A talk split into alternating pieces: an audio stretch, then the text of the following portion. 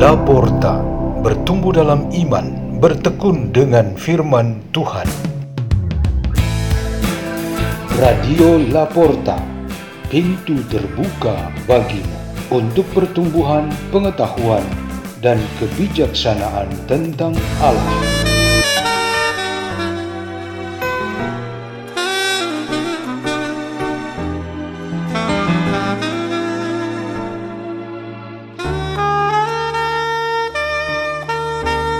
Bacaan dan Renungan Sabda Tuhan Hari Sabtu Pekan Biasa ke-34 27 November 2021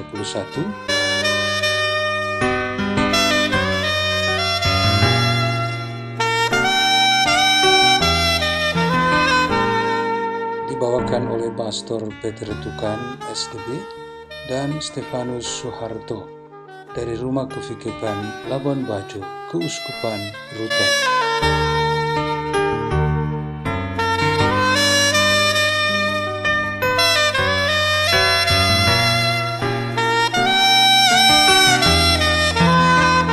Inilah Injil Yesus Kristus menurut Lukas. Pada waktu itu, Yesus berkata kepada murid-muridnya, "Jagalah dirimu, jangan sampai hatimu syarat dengan pesta pora dan kemabukan, serta kepentingan-kepentingan duniawi, dan jangan sampai hari Tuhan tiba-tiba jatuh ke atas dirimu seperti suatu jerat." Sebab ia akan menimpa semua penduduk bumi ini.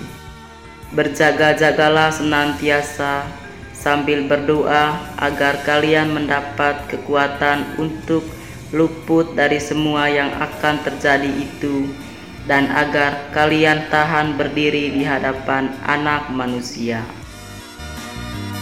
Demikianlah Injil Tuhan.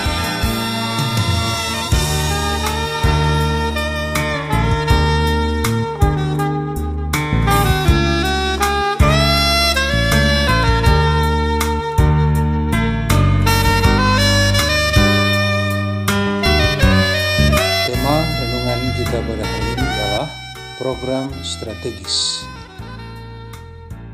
Kita ingin mengakhiri tahun liturgi B ini dengan optimisme. Ada satu ungkapan sakti ini, program strategis, yang sangat umum dipakai di antara kita. Program selalu berupa rencana kegiatan untuk dilakukan dan strategis menunjuk pada keunggulan pilihan terbaik yang sangat menjanjikan kemajuan. Kehidupan rohani dan secara iman kita di dunia ini sangat membutuhkan suatu program strategis, sesuatu yang sangat penting juga bagi negara, organisasi-organisasi gereja, dan aktivitas sosial lainnya. Kehidupan rohani dan secara iman yang paling konkret dan mendasar ialah seorang pribadi beriman. Agama, gereja, keluarga, persekutuan, kelompok doa, Semuanya menjadi instrumen yang memupuk dan memperkuat kehidupan rohani pribadi itu. Keselamatan yang dicapai melalui pengadilan terakhir di akhirat nanti ialah pribadi itu dan bukan instrumen-instrumen tadi. Jadi, program strategis yang kita maksudkan di sini ialah untuk pribadi kita masing-masing. Di akhir tahun liturgi ini atau untuk menyambut tahun liturgi C yang ditandai dengan minggu pertama Advent adalah suatu langkah yang tepat bagi kita untuk membuat suatu program strategis. Metodenya sederhana, yaitu kita mulai dengan kata kunci utama bersiap atau bersiap siaga. Ini adalah sebuah kata yang sering dipakai oleh Yesus untuk mempersiapkan kita menyambut kerajaan Allah. Mengapa kata strategis bersiap ini yang dipilih?